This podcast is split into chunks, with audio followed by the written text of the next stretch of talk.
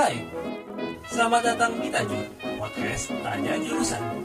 Tajur adalah tempat berbagi cerita, informasi, serta pengalaman seputar jurusan kuliah dan prospek kerja. This is Tajur Podcast, let's sharing to growing. Selamat pagi, selamat sore, selamat siang, selamat malam teman-teman pendengar Tanya Jurusan. Balik lagi bareng gue Ernest. Uh, Adrian uh, lagi nggak bisa hari ini teman-teman karena uh, ada keperluan. Terus uh, Chandra juga lagi nggak bisa hari ini teman-teman. Jadi uh, terpaksa baru sendiri. Tapi enggak sih, enggak sendiri sebenarnya. Kalau sendiri ngobrol sama siapa gue? Jadi gue udah ngedatengin satu uh, pembicara dia ini adalah uh, Tiasta Pangalila. Halo Tiasta Halo. dari jurusan uh, jurusan apa sih nama prodinya? Yes. Prodi eh, namanya ilmu seni, jurusannya seni musik. Fakultas Ilmu Seni, jurusannya seni musik. Oke. Ya. Oke, di Universitas Pelita Harapan ya, di UPHS. Nah, sekarang kesibukannya lagi ngapain ya? Sekarang karena lagi COVID ya, kita semua mengajar dari rumah, tidak menyanyi. Biasanya Oke. sih ada kan kalau kalau lagi biasa kan di weekend ada job nyanyi lah, apa wedding lah, tapi sekarang nggak bisa teman-teman. Jadi cuma di rumah aja ngajar dari rumah, ngajar nyanyi. Oh, ngajar nyanyi. Oke.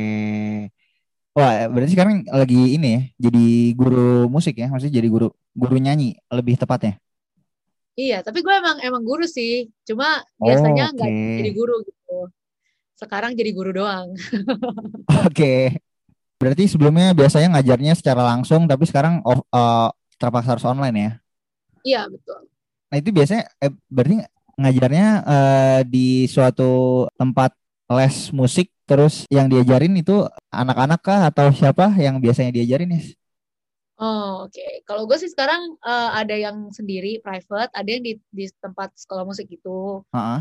Banyakan sih anak-anak sih rata-rata dari SD kelas 1 sampai SMP lah. Ada yang SMA sih tapi cuma satu. Oke. SD, SMP, SMA ya. Ya. Nah, itu eh, biasanya ngajarinnya ngajarin apa tuh? Maksudnya pertama kali nih kalau misalnya gue mau ngeles musik nih, biasanya apakah lu eh, mengetahui harus mengetahui dulu nih eh, dia sudah sejauh apa nih kemampuannya atau gimana sih cara lu Oh iya dong. Kan kita pertama kali eh, kalau misalnya mau ngajar, kita pasti trial dulu kan. Kita dengar dulu Oke. tuh, kita guru-guru biasanya dengerin dulu dia. Kalau gue kan ngajarin nyanyi nih, jadi gue Ah. dengerin dulu suara dia, range-nya seberapa, Heeh. Range-nya seberapa, terus kayak kemampuan dia, naturalnya, kan kadang ada yang orang kan ada ya yang nggak belajar, tahu-tahu udah kayak emang udah bagus aja gitu, kan tahu kan kayak gitu. Iya, iya, Nah, iya. Maksudnya kita kayak lihat dulu aja dia naturally uh, sebagus apa gitu, se levelnya ada di mana gitu. Jadi kita bisa uh, siapin program uh, pelajaran yang cocok sama dia gitu. Oh, oke. Di tes dulu di awalnya, terus baru nanti oh dikira-kira ya ini dia perlu belajar apa lagi gitu kan. Terus Iya, paling benar-benar. Mulai dari mana? gitu. iya benar mulai dari mana? Benar benar benar benar. Nah, eh terus pertama kali yang diajarin kalau misalnya ini anak masuk range-nya yang dia misalnya nggak bisa nyanyi sama sekali nih, terus apa yang pertama kali diajarin biasanya? Oh, kalau secara umum ya yang pasti Iya. gue ajarin sih pertama itu pasti napas sih kayak ya Oh. kalau di nafas gitu. Kalau kan kita ngomong pakai nafas, nyanyi pakai nafas ya. Nafas itu kayak Mhm. engine gitu loh, kayak mesinnya. Kalau mesinnya nggak bagus ya nanti nggak akan bagus gitu semuanya. Kalau kita nafasnya ngap-ngapan ya kita ngomong juga nggak bagus. Se- Simpelnya gitu lah. Jadi Oke. pertama kali yang basic nafas sih. Yang basic nafas. Hmm, Oke oke oke oke. Udah udah mulai paham lah ya. Jadi eh, pernafasan ya. Ya gue juga waktu itu sih emang sempat dibilangin sama waktu ngeband zaman dulu kan terus kan pas kebetulan lagi megang vokal eh ya diajarin juga nafasmu masih kurang ini nih nafasmu. Jadi Ya, eh, pernafasannya harus dibenerin. Oh iya ternyata emang kan kalau kita misalnya menyapa eh, mau nyanyi yang nada tinggi juga pernafasannya harus benar gitu. benar, benar banget. Jadi nafas itu tuh. kayak ngaruh buat semuanya gitu loh. Iya benar benar benar.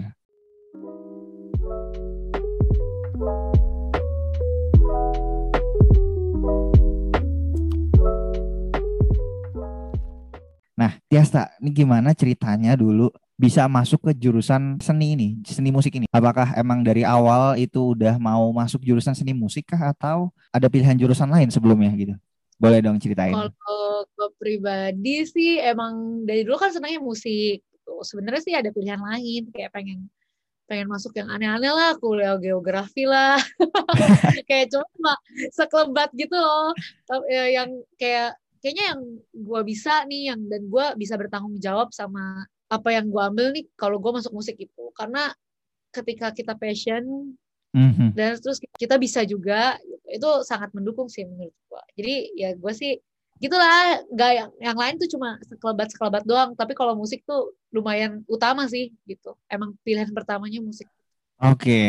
terus dari orang tua sendiri apakah maksudnya biasanya kan orang tua kan kamu kuliah di jurusan ini aja gitu ya tuh ya, kamu ya. di dokter dokter aja lah gitu. Standar ya standar. Pilot gitu kan.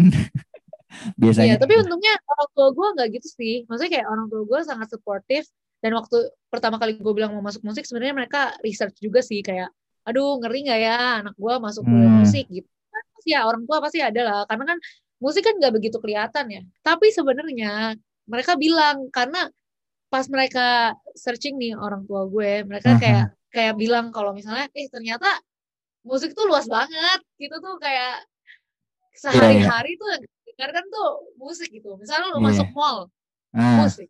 Lihat yeah. iklan di TV, yeah. semua musik. Jadi menurut dia, oh ternyata luas banget gitu. Jadi mestinya yang penting guanya passion dan enggak dan bertanggung jawab sama apa yang gue pilih, mereka kasih gitu intinya yeah, iya. gitu. Iya, yeah, masuk mall musik, masuk Gramet musik lagi. iya, udah beda tuh musiknya, ya kan? iya bener bener bener bener bener. Iya iya iya. Kalau masuk Gramet ter udah ngejes ngejes dikit gitu santai gitu kan. Put bener, your bener. head on my shoulder. All this banget ya yang kayak lebih chill gitu kan. Iya iya iya iya iya. Bener bener bener. Nah uh, berarti dari awal oh, orang tua juga dukung gitu ya? Maksudnya mungkin kan ada beberapa orang yang punya mindset ya ini mungkin pemikiran orang yang masih sangat konservatif ya maksudnya dulu banget gitu uh, musik nggak ada yang dulu masuk musik menjadi apa gitu nggak ada duitnya gitu beratnya gitu ya, ya. tapi ternyata uh, orang tua cukup mendukung ternyata ya Iya, dan maksudnya kalau ini buat semua orang sih, uh. musik itu bener luas banget. Bahkan teman-teman teman-teman gue tuh ya di kampus rata-rata pas kuliah itu udah punya kerjaan, udah punya duit jajan sendiri. Wow. Iya, dan maksudnya kayak gue sekarang di masa pandemi orang kan banyak yang aduh sedih banget sih banyak yang kayak nggak punya kerjaan kayak udah nggak tahu mau ngapain gitu tapi mm-hmm. musik itu jalan terus kita bisa yeah. kerja dari rumah gitu mm-hmm. itu sih maksudnya kayak kita nggak nggak jarang nggak bisa mati lah nggak bisa dimatiin gitu iyalah maksudnya uh, justru malah gue ngerasa kalau misalnya lagi kayak gini masa kayak gini ya kan lebih banyak waktu di rumah juga kan sebenarnya. Maksudnya lu kan bisa bikin lagu gitu atau apa gitu kan lebih banyak, banyak waktu. orang yang rilis kan selama pandemi. Iya. Rilis lagu banyak banget. Iya oh, benar benar benar. jalan terus jalan terus kita. Iya makanya makanya jalan terus gitu. Ya gue juga sempat bahkan waktu itu kan uh, ada lomba buat bikin lagu tentang lingkungan hidup dari uh, apa Kuskupan Agung Jakarta gitu ya gue ikut juga gitu waktu itu. Ya emang gue juga mikir ya ini kalau misalnya ini enggak nggak ada pandemi mungkin gue juga nggak akan ikut ini gitu nggak ada waktu ibaratnya justru Terus, ketika di rumah doang orang lebih tertarik kan sama musik nah di situ iya. tuh orang-orang yang kerja di bidang musik kayak yang punya studio lah, yang punya apa, apa namanya alat lah itu pasti gerak terus tuh mereka justru dapat pemasukan jadi nggak bakal mati lah. Iya iya iya iya iya. Cuman emang ini sih yang yang sekarang lagi miris tuh ya memang uh, ya konser terus uh, hiburannya itunya lagi lagi mati. Tapi gitu. sekarang kan udah lumayan ganti Nes, udah lumayan ke semua online kan? Aha. Iya, hmm, jadi sejak mulai peralihan tuh mulai ada-ada lagi. Iya. Iya, terus kayak ya apalagi anak-anak ya anak-anak Jakarta, Tangerang gitu kan uh, Synchronize Fest kemarin juga nggak jadi, terus kan akhirnya kan hmm. diganti ke uh, ditampilin di siarin TV kan akhirnya kan ya meskipun banyak yang kecewa cuman ya mau gimana kan kondisinya kan sekarang lagi gini gitu kan benar just goes to campus juga online loh iya makanya Itu Iya. dia. Jadi Aduh. maksudnya walaupun mati yang uh, live-nya tapi tetap masih bisa jalan gitu. Memungkinkan kok. Iya iya betul betul betul betul betul.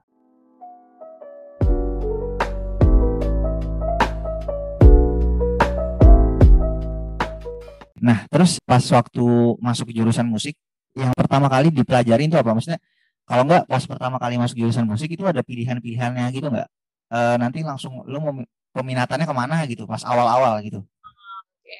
Jadi waktu pertama kali masuk tuh, jadi kalau di, di kampus di UPH sih kita punya peminatannya lumayan ya. Jadi kan jurusan musik. Terus Ah. kita di lagi ke peminatan gitu. Peminatannya ada beberapa banyak kok. Ada yang komposisi untuk bikin scoring gitu. Mm-mm. Terus ada yang kayak kayak gua kan edukasi. Jadi Mm-mm. untuk jadi guru. Oh Terus- oke. Ada juga eh, sound design, sound design and music production. Itu yang punya studio lah, yang rekam lah. Nah, itu tuh live sound. Nah, itu orang-orangnya di situ tuh. Terus Oke. ada juga product production art and management. Jadi itu production. Orang-orang produksi tuh yang IO, yang bikin Ah, konser. Iya iya iya iya iya. di situ. Terus ada lagi eh, terapi, musik terapi. Nggak pernah dengar kan? Ini di Indonesia cuma ada di UPH nih. Oh, gitu. Musik terapi, iya. Jadi musik terapi tuh sekarang lagi gencar banget sih kalau di luar negeri. Dan Asia ini baru-baru nih, tahun 2000, 2017 atau 2016 kemarin mereka punya satu conference gitu se-Asia music Aha. therapist. Dan itu dari UPH juga ada ke sana. Jadi musik terapi ini lumayan lagi banyak maju sih. Ah oke oke.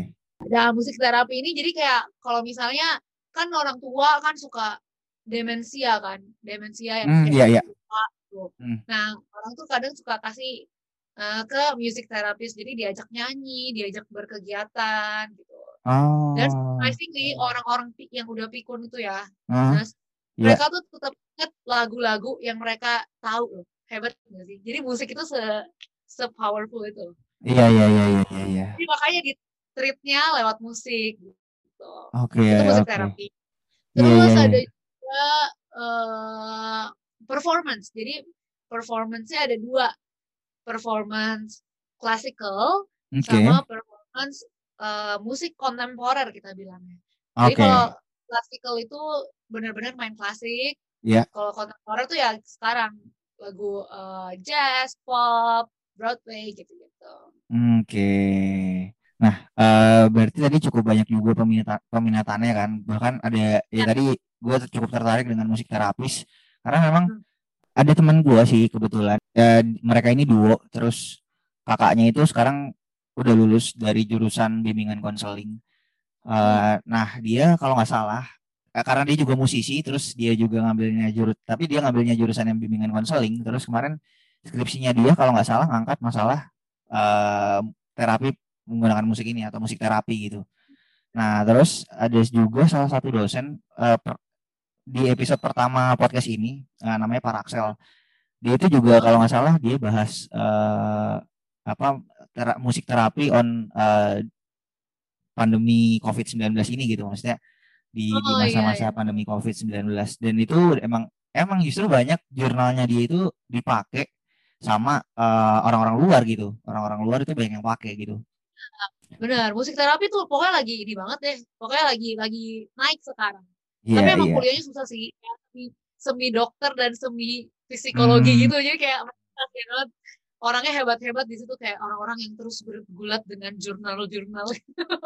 Nah, itu ada mata kuliah apa aja sih di eh, kampus tuh maksudnya dari semester 1 sampai semester akhir tuh kira-kira aja maksudnya di semester pertama apa Hmm. secara garis besar aja sampai semester Secara akhir. garis besar. Kalau misalnya semester pertama itu pasti kita dapat teori teori musik ya not balok gitu, Oke. kan. Terus ada Ah. juga namanya solfeggio. Solfeggio itu ear training. Jadi misalnya dia pencet apa terus kita kasih tahu oh itu chord mayor, oh itu chord minor gitu-gitu. Terus lagi kita tulis juga dari pendengaran transfer ke tulis itu solfeggio gitu. Terus kalau itu dapat tuh sepanjang kuliah, hampir sepanjang kuliah, cuma dua semester terakhir. Jadi kalau kuliah empat tahun, tiga tahun pertama itu pasti ada itu, nggak mungkin nggak ada. gitu. Oke. Not balok sama Terus major juga ada, major. Oke. Jadi kan kita kan pas masuk selain pilih peminatan kita pilih instrumen juga kan audisi kan untuk Iya. instrumen jadi kayak instrumen itu beda lagi nih kita tadi misalnya piano gitu ya udah kita bakal belajar piano gitu terus misalnya gitar ya udah belajar gitar nah terus mau eh apa genrenya apa mau musik klasik klasikal atau Atau mau kontemporer. Oh. Jadi kalau major itu kelasnya one on one sama dosennya. Kayak gue nih, gue majornya kan vokal. Jadi dari semester 1 gue ada kelas vokal sama sama dosen gitu berdua, satu kelas berdua. Gitu. Oke. Nah, yang itu paling pasti ada gitu. iya sih, iya iya benar-benar. Tadi kalau misalnya mau apa? eh solfeggio ya namanya. Ya, solfeggio. Solfeggio, iya iya iya. Itu ngetes eh, kepekaan ya, kepekaan kita terhadap Ya, eh, suatu nada gitu. Oke oke oke. ya. Oh, kita belajar sejarah juga, Nas. sejarah musik tetap ada, guys. Sejarah. Oh, terus ini, ya, ini ini pertanyaan mungkin pertanyaan yang paling ditanya-tanya kali. Ada matematika nggak sih, eh Citiasta? Ada. nggak ada. Ada. kita mata kuliah umumnya mata kuliah mata kuliah umumnya adanya bahasa Indonesia, bahasa Inggris, kewarganegaraan sama logika. Oke oke oke oke. Gak ada bay matematika. Tapi tapi seha itu not balok ya. Seha itu not balok. iya, cuma balok which is sama aja gitu. iya makanya. Karena juga- Iya makanya gue mikir. Iya, iya nggak ada matematika sih, cuman harus memahami lu not balok dengan dengar mesti tulis kan not balok. Nah, mamam dah. Nah, terus berarti di semester akhir itu udah mulai apa nih kegiatannya? Kalau misalnya udah menjelang semester akhir itu. Eh, beberapa peminatan ada yang mesti studi lapangan kayak ya kayak magang gitulah tapi cuma nggak semua peminatan cuma terapi edukasi sama yang yang tadi production art management Ah, oke. guru-guru. IO. mereka harus mereka harus studi lapangan harus magang gitu Oke. tapi kalau misalnya enggak eh, persiapan resital persiapan resital dan skripsi Oke. Ini mungkin teman-teman ada juga yang belum tahu nih resital itu apa sih itu? Resital itu apa sih, Kak? resital itu kalau misalnya kita eh, artikan secara harfiah ya kalau kita buka nih Hmm, jadi resital itu sebenarnya kayak konser sama cuma Oke. resital itu konteksnya untuk educational purpose jadi kalau kita Oke. misalnya belajar hmm, eh, belajar secara profesional sama dosen gitu kan sama orang-orang yang udah profesor lebih pengalaman nah Mm-mm. kita tampilkan apa yang kita pelajari apa yang udah kita bisa hmm. dalam resital gitu. Sebenarnya kayak showcase sama gitu. Kalau misalnya kamu bikin lagu nih, terus kamu mau konserin gitu, Hmm. Apa kasih ke masyarakat, kasih lihat nih lagu gua nih gitu, kayak re- rilis. Nah, itu kan showcase kan. Sama, cuma bedanya kalau resital itu dalam dunia edukasi. Hmm, oke oke resital tuh jadi semacam konser ya. Berarti itu ya itu sebagai apa ya? Istilahnya ujian akhir juga nggak sih resital itu? Benar, benar, benar. Jadi tahapannya tuh kalau misalnya kalian ada magang atau studi lapangan itu pertama itu dulu, terus baru resital, habis resital baru skripsi. Jadi kalau misalnya Oh, belum oke. resital nggak boleh skripsi. Oh, oke oke oke. Berarti salah satu syarat untuk eh, skripsi adalah udah resital dulu. Iya iya iya. Nah, tadi ngomongin magang, berarti pernah magang di mana? Ah, yes, dulu. Kalau gua dulu di ini di Thomas Rada di sekolah. balik lagi ke alumninya nih, balik lagi ke sekolahannya ke alma mater. Kembali lagi. Pantesan waktu itu kok kayak eh gue pikir emang lu emang ya seneng aja gitu kan, aktif gitu kan. Maksudnya gue pikir emang ada kegiatan apa atau diminta tolong apa gitu. Oh ternyata magang ada di sana ya. Enggak iya, jadi kita bantu-bantu lah, nggak bantu sih. Jadi kan kalau misalnya, kalau gue kemarin eh, magangnya sengaja pakai topik yang mau gue pakai di skripsi. Jadi sekalian mager anaknya. Oke Iya, oke. Jadi gitu, jadi gue kayak eh, kasih materi-materi yang ada di skripsi gue, terus Hmm. gue terapin di situ. Nah enaknya kenapa gue di sekolah gue sendiri karena udah kenal gurunya, gitu. iya. jadi gampang izinnya. Iya sih benar. gue yang dari luar kota kasihan banget susah banget kan apalagi musik itu gak gitu diperhatiin gitu loh di sekolah-sekolah Mhm. jadi kayak kalau misalnya mau izin untuk kelas musik tuh mereka kayak oh kadang malah nggak ada kelas musik gitu. Iya sih. Pernah oh gitu. iya. Apa temen gue tuh ada di satu sekolahan eh adalah satu sekolah. Itu juga apa agak ini juga ternyata sus- susah juga untuk izin eh, untuk lomba band. Padahal maksudnya membawa nama sekolah gitu. Dan anak-anaknya punya potensi gitu. Kadang-kadang sekolah malah nggak ngasih kesempatan atau nggak ngasih fasilitas gitu. Kadang-kadang gue mirisnya di situ sih gitu Iya kalau musik soalnya nggak gitu diperhatiin ya. Jadi teman-teman gue tuh banyak banget yang kayak eh, pengen magang ke sekolah mana tapi nggak bisa karena mereka nggak punya kelas musik yang proper. Kayak misalnya minggu ini belajar musik, minggu depan belajar drama gitu. Kayak nggak benar-benar ada kelas musik gitu. Nah jadinya soalnya kalau gue biasanya iya kalau gue aja karena gue udah tahu kan. iya iya benar benar benar soalnya biasanya kalau di sekolah tuh seni dan budaya soalnya Iya benar-benar dari budaya. benar. bukan seni seni musik khusus seni musik gitu cuman seni dan budaya dan itu kan kepecah lagi da- jadi beberapa eh, bidang lagi gitu ada seni Iya. ada kesenian apa gambar Nah, lah dan segala macem waktu itu gue juga akhirnya karena kan seni dan budaya kan terus waktu itu kebetulan kelas yang pengen pengen gue magangin nih kan kita cuma boleh di satu kelas atau satu Oh. kelas gitu kan gak semua kan oke nah kebetulan waktu itu kayak pas gue mau yang soal skripsinya pas gue Hmm. magangnya sih lewat bisa pas Oke. lagi kelas musik pas gue pengen skripsinya kayak ngelanjutin untuk skripsi sedikit mereka udah nggak kelas nggak kelas musik jadi akhirnya gue pindah ke eh, kayak ekstrakurikulernya jadi gue meneliti choirnya gitu oh oke ini udah deskripsi? Udah deskripsi. Pas udah deskripsi oke. Gue meneliti choir di skripsi gue aneh banget gak lu semua. Bingung kan? Emang eh, topiknya apa sih? Topik yang dibahas? Deskripsi?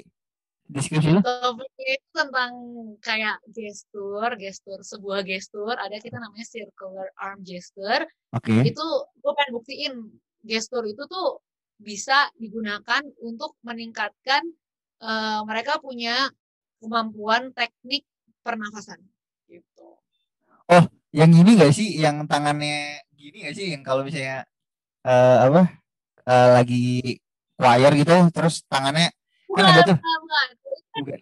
Ini kan cuma ya udah gaya doang kan. oh Kalau gitu ini ada gestur jadi pas kita latihan kita tuh kayak kayak kayak dorong tuas gitu loh. Tuas kan oh putar-putar gini. ah, ah. Nah, kita coba tuh di samping perut kita Hmm. dan it works. Keren kan? oh Jadi gitu napasnya beneran lebih panjang ya. oh oke oke oke iya soalnya kan eh gue jadi inget gitu kalau misalnya choir kan tapi itu kat- katanya trik yang trik yang salah loh maksudnya itu cara yang salah loh bener gak sih kalau misalnya kan ada tuh yang eh, mungkin ini kan teman-teman karena nggak bisa lihat jadi mungkin teman-teman bisa bayangin kalau misalnya ngelihat choir atau ngelihat eh, ada paduan suara yang tangannya kelipet terus di perut gitu eh, tangannya dilipat di Oh. perut nah itu Ya, kan ada yang bilang ya itu emang gaya nggak tahu sih itu gaya atau buat apa gitu. Gue emang gue nggak pernah dijelasin gitu cuman cuman yang pernah gue baca itu justru salah gitu. Justru malah itu menghambat pernafasan gitu malah jadi nggak nggak lepas gitu ya nggak sih? Nah, jadi itu ya. Sebenarnya aesthetically, kalau misalnya kita udah punya teknik yang settle, ya misalnya kita kayak udah udah pakem banget lah, ini udah gue mau jungkir balik, napas gue juga panjang, ngerti ya? itu nggak masalah. Kita mau tangannya begini kayak mau gimana kayak. Cuma banyak misalnya eh, choir-choir yang mungkin pernafasannya nggak gitu oke, tapi mereka gunakan eh, gestur itu yang Aha. ngelipat di depan perut Heeh. itu emang itu bagus sih karena kalau kita nyanyi tuh kan kita mesti pakai seluruh badan kita ya. Iya. Jadi ini tuh mesti, mesti free, mesti kayak iya apa relax gitu. Iya, kalau iya. misalnya di depan perut dia jadinya eh, nggak relax kan, makanya Iya. dia menghambat nafas kita jadi kayak jadi lebih pendek, jadi lebih apa itu ngaruh memang gitu. Tapi balik lagi kalau misalnya emang dirasa ah udah jago lah paduan suara gua orang iya jungkir balik aja napasnya panjang ya udah nggak apa-apa nggak masalah. Gitu. oke lihat kebutuhan lah, lihat kebutuhan gitu. iya iya iya I get it I get it oke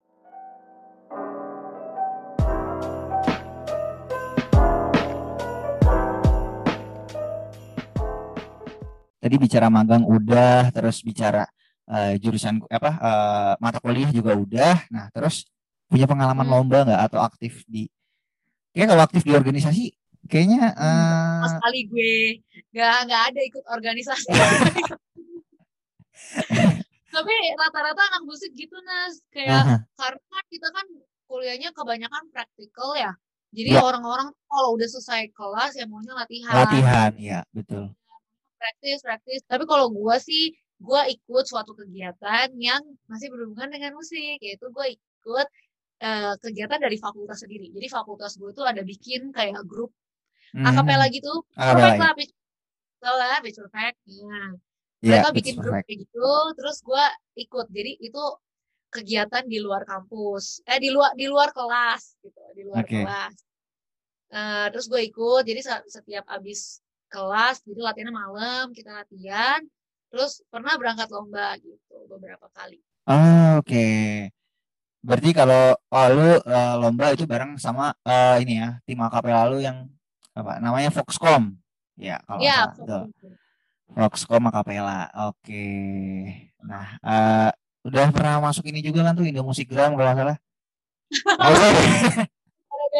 Sekarang kan kita pada gabut nih nah kalau misalnya dulu kan sebenarnya sih kita udah pada lulus jadi sebenarnya sekarang tim yang sama gue ini yang sekarang masih sering bikin Hmm. di Instagram itu udah alumni jadi udah Oke. bukan punya lagi yang punya kampus sih masih ada tetap ada di kampus ada di Iya. kelas gitu tapi kalau gue sama teman-teman gue tuh kemarin karena kita tuh pengen kan kayak ah setelah setelah dari kuliah pengen ah kita berkarya sama tim ini gitu loh ayo kita eh, bikin sesuatu bareng-bareng gitu sama tim-tim yang teman-teman yang udah alumni gitu.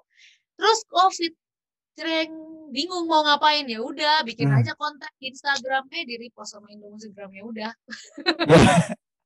tapi keren, tapi keren itu keren keren keren keren. Maksudnya ma- masih itu ya, eh, masih aktif juga maksudnya meskipun udah alumni. Terus berarti ada regenerasi juga dong. Iya iya iya ada regenerasi. Jadi kalau yang si tim yang gue udah lulus sih sekarang udah gak berubah kan karena udah tim alumni yang pengen aja gitu. Jadi kita sisa berdelapan nih tim gue. Itu Mhm. anggap aja udah tim udah tim di luar kampus gitu. Udah gak Iya. udah gak hubungannya. Tapi kalau di kampus beneran terus ada. Jadi kalau misalnya ada yang masuk kita pada audisi lagi gitu. Bikin tim Oke. lagi. Di di Foxcom itu berarti nggak sisa 8 orang. Yang maksudnya yang yang sama lu sekarang. Iya, yang alumni yang bertahan yang pengen majuin tim ini delapan orang. 8 orang. Itu terbagi apa dari beatbox kan ada yang beatbox juga tuh. Ada- Iya, suatu Lu lu sendiri apa lu? gua mezzo, suara-suara tengah. Mezzo. Oke. Mezzo mezzo tuh kan ada mezzo sopran, ada mezzo eh Iya, mezzo sopran doang, mezzo sopran. Oh iya benar benar mezzo sopran. Oh iya iya. Oke. Nah, terus eh, ada apa lagi? Ada berarti sopran, alto gitu-gitu ya. Sopran, iya. Jadi kita kan berdelapan nih. Ah, Nah, kalau choir kan satu suara banyak gitu kan manusianya. iya. Kita anak-anak ambis, jadi delapan udah suaranya delapan. Sopran. Jadi kalau misalnya lihat di partitur kita kan kan kalau di partitur kan tulisannya sopran, alto gitu. Tenor kan. Kalau kita enggak namanya Yasta Oke.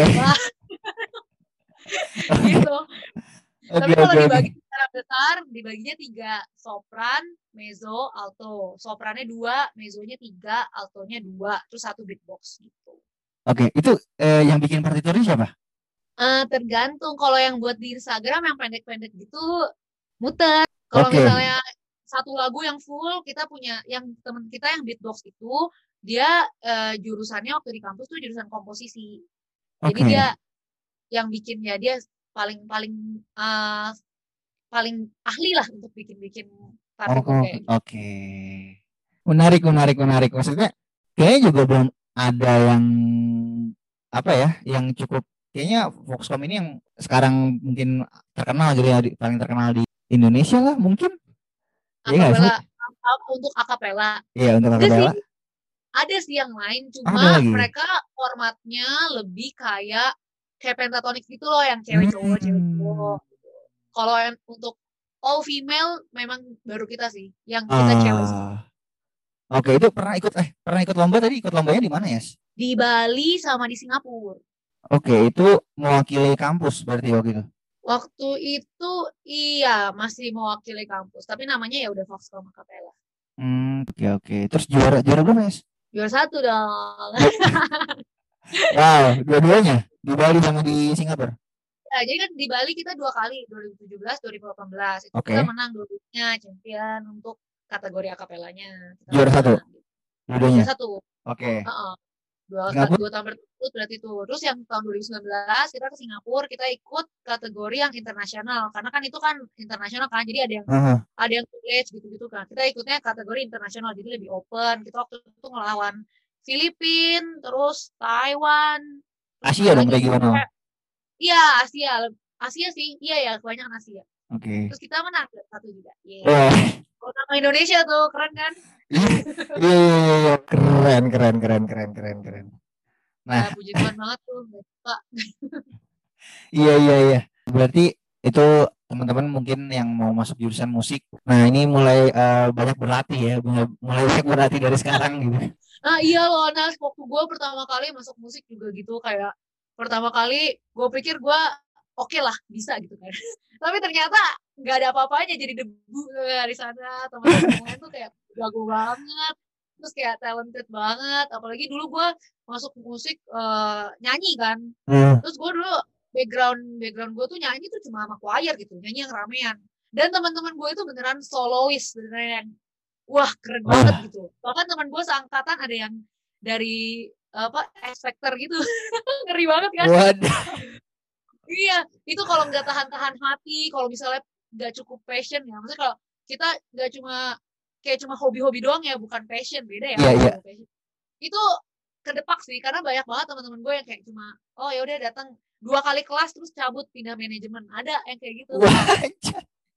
Karena di musik tuh berat mentalnya itu loh, kita kan merasa pasti insecure, lihat orang lain, aduh jago banget gitu, gue kok nggak jago-jago gitu. nggak ya ngomongin itu dari lu sendiri ada tips nggak maksudnya ya kan mungkin orang ada yang ya kayak lu gitu loh terus lu gimana cara lu ngatasin eh rasa insecure lu itu waktu itu gitu lu sendiri gimana gitu? Eh, kalau dulu gua sih lebih ke gini deh. Gua tuh cari, maksudnya gua nggak mungkin punya kekurangan semua. Pasti gua punya sesuatu yang orang nggak punya gitu. oke oke Kayak pasti lah. Gua selalu merasa kayak gitulah dalam hal apa pun. Kalau gua merasa gua nggak mampu, gua cari satu hal yang menurut gua, oh di sini nih gua bisa nih gua kembangin. Nah, waktu itu kebetulan teman-teman gua kan semuanya penyanyi nih.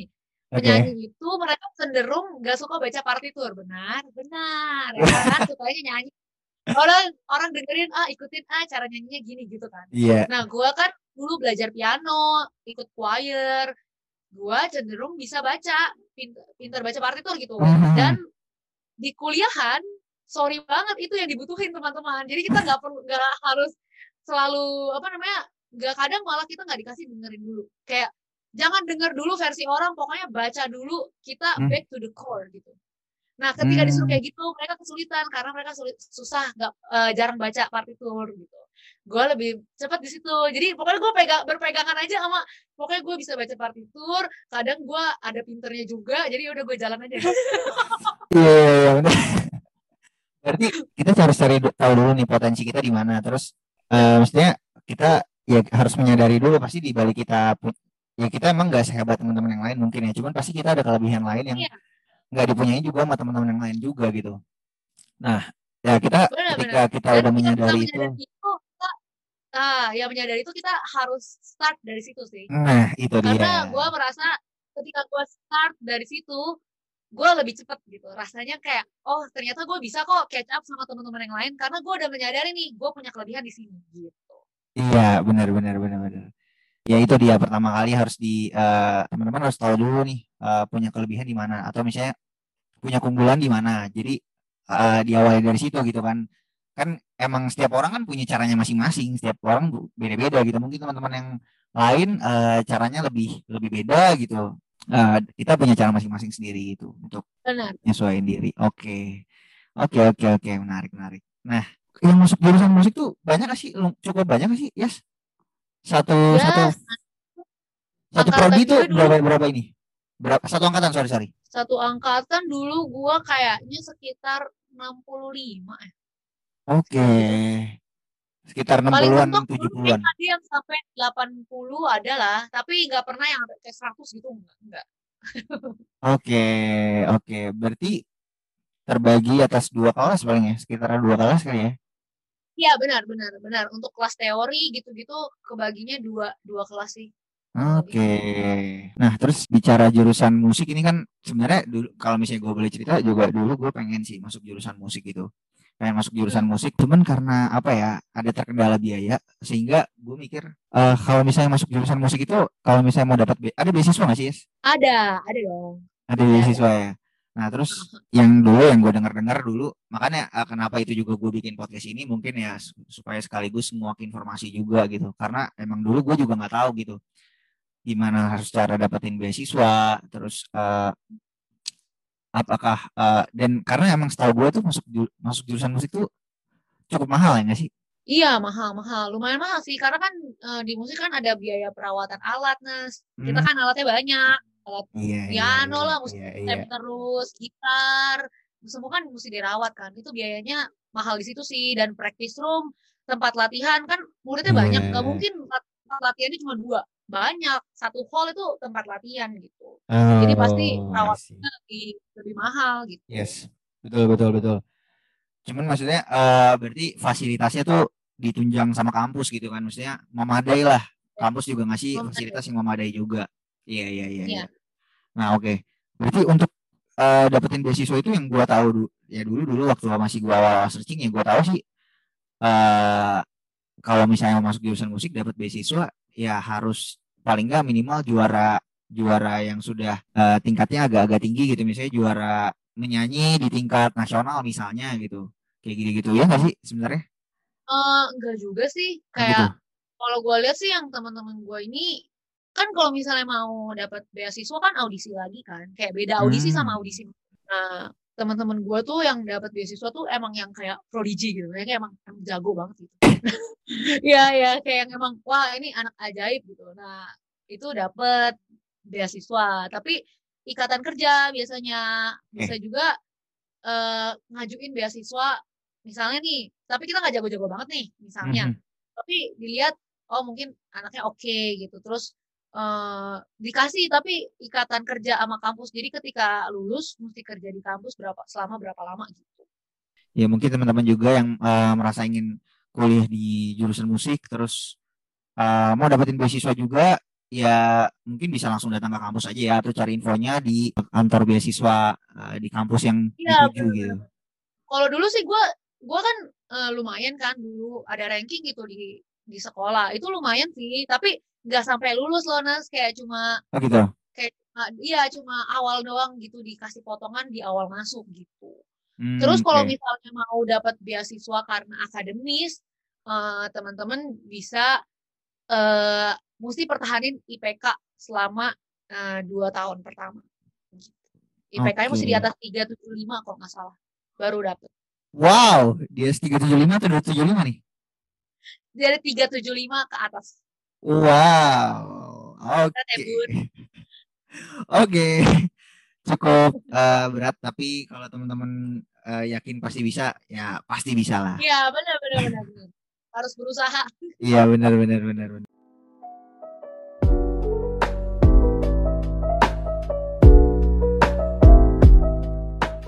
Kira-kira prospek kerja dari jurusan musik ini apa sih? Mulai dari yang mungkin sejalur atau eh, linear terus sampai menyebar ke mana-mana gitu misalnya. Silakan. Hmm, banyak banget sih. Kayak tadi kan sesuai dengan yang gue bilang kan, peminatannya juga banyak.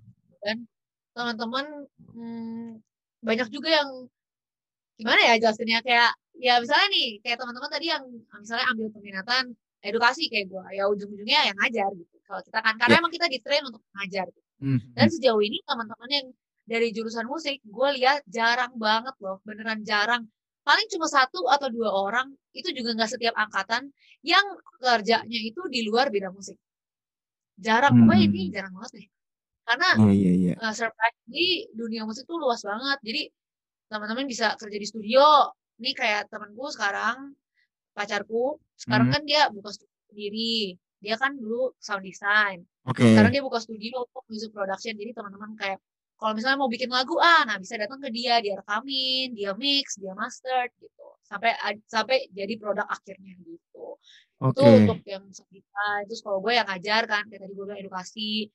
Terus kalau misalnya yang production art gitu, temen Mhm. gue ada yang kerja di record record label gitu loh, kayak Juni Juni Record ada tuh teman angkatan gue yang kerja di Juni Record jadi kayak krunya gitu krunya Raisa gitu bikin apa namanya uh, buat online ininya online konsernya gitu gitulah oke.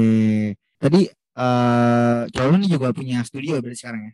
Ada studio iya, juga iya. betul nah terus uh, bisa produce lagu gitu di situ? Bisa bisa bisa bisa okay. produce. Kita juga di sini ada teman kita juga yang emang eh, jadi bisa jadi kayak music director gitu. Jadi kalau misalnya ah. teman-teman rasa aduh kayaknya lagu gue ada sesuatu yang kurang nih kasih ke dia dia bisa bantu. Kayak bantu tambahin atau bantu kasih masukan gitu gitu oke okay. terus itu misalnya kalau misalnya dia mau uh, produce ke situ uh, genrenya bebas kah atau ada genre tertentu sebenarnya mah bebas ya bebas oh, gitu. sebenarnya cuma kan manusia kan punya kekurangan maksudnya kita sendiri tuh adalah kayak kalau misalnya kita disuruh bikin uh, lagu metal gitu ya kita jujur aja nggak berpengalaman okay. gitu tapi yeah, kita yeah. bisa bantu kayak ngerti kan? Paham. kan kayak mungkin kita bisa cariin orang yang yang oh bisa nih bantuin di bidang ini tapi untuk rekamnya atau mix masternya kita bisa sesuaikan gitu I see, I see, I see. At least buat ngobrol-ngobrol lah ya. At least buat ngobrol. Iya, terus kalau misalnya no clue nggak punya nggak punya teman siapa pun yang ngerti ya udah yeah. datang gitu buat tanya. Oke, okay. studionya di daerah mana sih? Di Gading Serpong. Di Gading Serpong. Oke, okay. nama studionya apa? Arka Production. Arka Production. Oke, okay, oke. Okay. Itu berarti jadinya studio rekaman atau studio band kayak biasa? Studio rekaman sih. Lebih apa fokusnya ke rekaman. Cuma kadang teman-teman kalau yang masih kuliah kan perlu tempat latihan. Yeah. ya boleh juga gitu. Oke. Nah, uh, berarti tadi kalau ngomongin prospek kerja tadi udah cukup banyak juga ya. Tadi ada yang pacarnya Katiasta sendiri bikin studio juga. Terus Katiasta yeah. sendiri sekarang lagi jadi guru vokal. Terus uh, tadi ada musik director juga. Terus apa lagi? Uh, banyak sih ya. Maksudnya. ada yang kerja di iklan gitu. Jadi oh, iklan yeah. fast food pip. Nah, dia bikin ikan iklan susu anak pip. Nah, ah. dia bikin ya emang musik di mana-mana sih bener sih iya bener kan beneran bisa di mana-mana kerja iklan lah kerja apa lah jadi cukup banyak juga ya terus tadi sempat singgung juga uh, jadi kru gue juga sempat hmm, hmm, hmm. gue juga sempat sih waktu itu sempat sebelum covid juga jadi kru dari temen gue yang tadi gue cerita di awal-awal uh, dia emang duo dan emang baru rilis sekarang lagi rilis ini baru rilis single ketiga juga terus gue jadi kru mereka waktu oh. itu sempat hmm, uh, yeah. satu satu panggung sama Ardito waktu itu di SMA gitu. Oh. Nah, itu sih ya itu pertama kalinya juga gue nggak kayak ngekroin gitu. Ya gue cukup tahu gitu.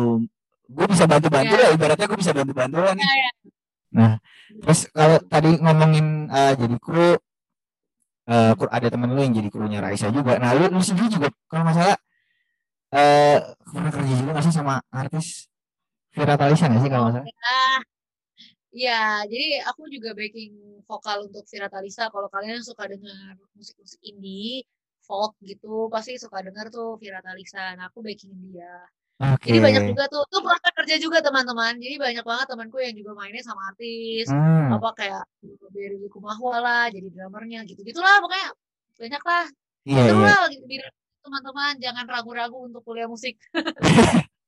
ya jadi backing vokal benar itu juga jadi salah satu prospeknya juga nah kita terus, bilangnya session player session oh iya session player ya betul betul terakhir nih ya sebelum closing gue mau nanya lo uh, musisi favorit Indonesia siapa? Hah siapa ya? Aduh gue ini udah jadi guru udah bukan jadi penyanyi tuh udah gak pernah siapa ya? Isyana sih Isyana Saraswati Isyana ya Isyana. Oke kalau luar? Kalau luar sih wah lumayan sih. Gue suka uh, yang paling gue kagumi ya yang hmm. gue kagumi Beyonce sama Alicia Keys. Itu orang-orang pintar sih. Oke okay. Alicia Keys dan Beyonce oke okay, oke okay. kalau lu genre sendiri lu genrenya lebih ke apa sih aduh udah gue bilang gue ini guru bukan penyanyi tapi kalau disuruh pilih kalau disuruh pilih gue nyanyi apa um, gue merasa gue nyaman nyanyi di bossa nova. Oke, okay. oke okay, bossa nova tuh uh, berarti apa ya? Bossa nova tuh kayak jatuhnya apa ya? Semi jazz nggak sih? Apa ya? Uh, jazz sih, jazz. Tapi kan jazz kan pecahan kan, ah. pecahannya kan swing, ada apa lah gitu kan. Nah, oke. Okay. bossa nova tuh yang lebih kayak Latin gitu lah Brazilian Ah, music gitu. cak cak cak gitu-gitu kan yang gitu-gitu Oke oke, musik-musik jazz yang di cafe gitu ya. Lu juga suka tuh? Nah, iya iya iya. Suka tapi kalau yang di cafe kan ballad-ballad gitu kan. Nah, gue nggak bisa tuh, nggak sabar gue nyanyi. Yang Anaknya suka pecicilan. Oke oke kayak Lullaby of Birdland. Lullaby of Birdland itu maksudnya? Oh, namanya? lullaby, maksudnya swing, swing. Ah. Lullaby bird, that's I itu kan. Swing, swing. Swing, oke, nambah pengetahuan lagi, oke, oke oke. Nah, jelas nih, Yas, mungkin bisa kasih tips uh, and trick buat teman-teman yang mau masuk jurusan uh, musik gitu kan, uh, fakultas fakultas seni jurusan musik ya kan. Nah, Ya. mungkin kasih pesan-pesan nih buat teman-teman yang mau masuk situ, Yas. Pesan-pesannya, eh, jangan takut masuk musik karena sebenarnya luas banget kok eh, pekerjaan apa prospek kerjanya tuh banyak banget gitu. Kadang karena yang kayak tadi gue bilang musik itu ada di mana-mana gitu. Jadi jangan takut untuk masuk jurusan musik. Asalkan kalian bertanggung jawab, pasti orang tua kalian kasih lah gitu. Dan ketika sudah masuk, ya ketika sudah masuk musik harus hmm, banyak latihan sih. Latihan adalah Oke, latihan adalah kunci. Jadi sebelum masuk dan sudah masuk itu amount of latihan kita tuh mesti tetap di atas gitu, nggak boleh turun pokoknya. Harus malah kalau bisa naik naik karena yang practice makes perfect itu nggak bohong tuh, nggak dibohongin, Iya sih. nggak itu nggak membohongi. Mau kita udah sejago apa kalau kita nggak latihan nggak bakal ada progres dan orang bakal notice gitu. Walaupun kita udah jago. iya. Kalau kelihatan gitu. Kalau tuh Kelihatan, orang yang yang sering latihan sama orang yang emang jago, jago doang gitu, tapi kayaknya Iya, kelihatannya benar. jarang gitu. Benar-benar, itu benar-benar kelihatan dan orang-orang akan sangat menghargai orang-orang yang latihan. Jadi Ah, attitude, iya iya. balik lagi attitude juga, attitude juga harus baik. Pokoknya kita daya juang harus tinggi teman-teman, mau di jurusan apa pun ya. Iya sih. Daya, daya juang tuh harus tinggi, nggak boleh menyerah karena satu hal doang. Aduh, gua nggak bisa nih, dia lebih jago daripada gua, dia lebih pintar daripada gua. Nggak, pasti ada caranya supaya kalian bisa up. Gitu aja.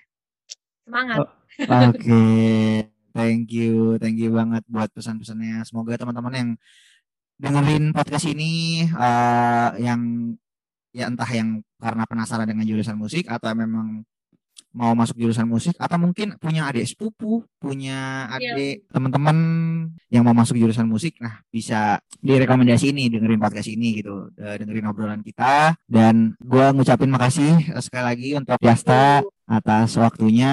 Terima kasih juga untuk teman-teman yang udah dengerin. Mungkin kalau mau tanya-tanya seputar jurusan musik atau mungkin mau tanya-tanya soal siapa tahu mau produksi musik juga, produksi lagu gitu kan. Nah, itu bisa menghubungi Katiasta juga. Sosial medianya juga nanti akan dicantumkan di postingan Instagram kita. Jangan lupa juga follow kita di @tanya.jurusan gitu ya. Kalau Instagramnya eh, Katiasta apa nih? Jane Tiasa. J E A N N E T Y A S T A. Nah, gue Oh. beja dah tuh.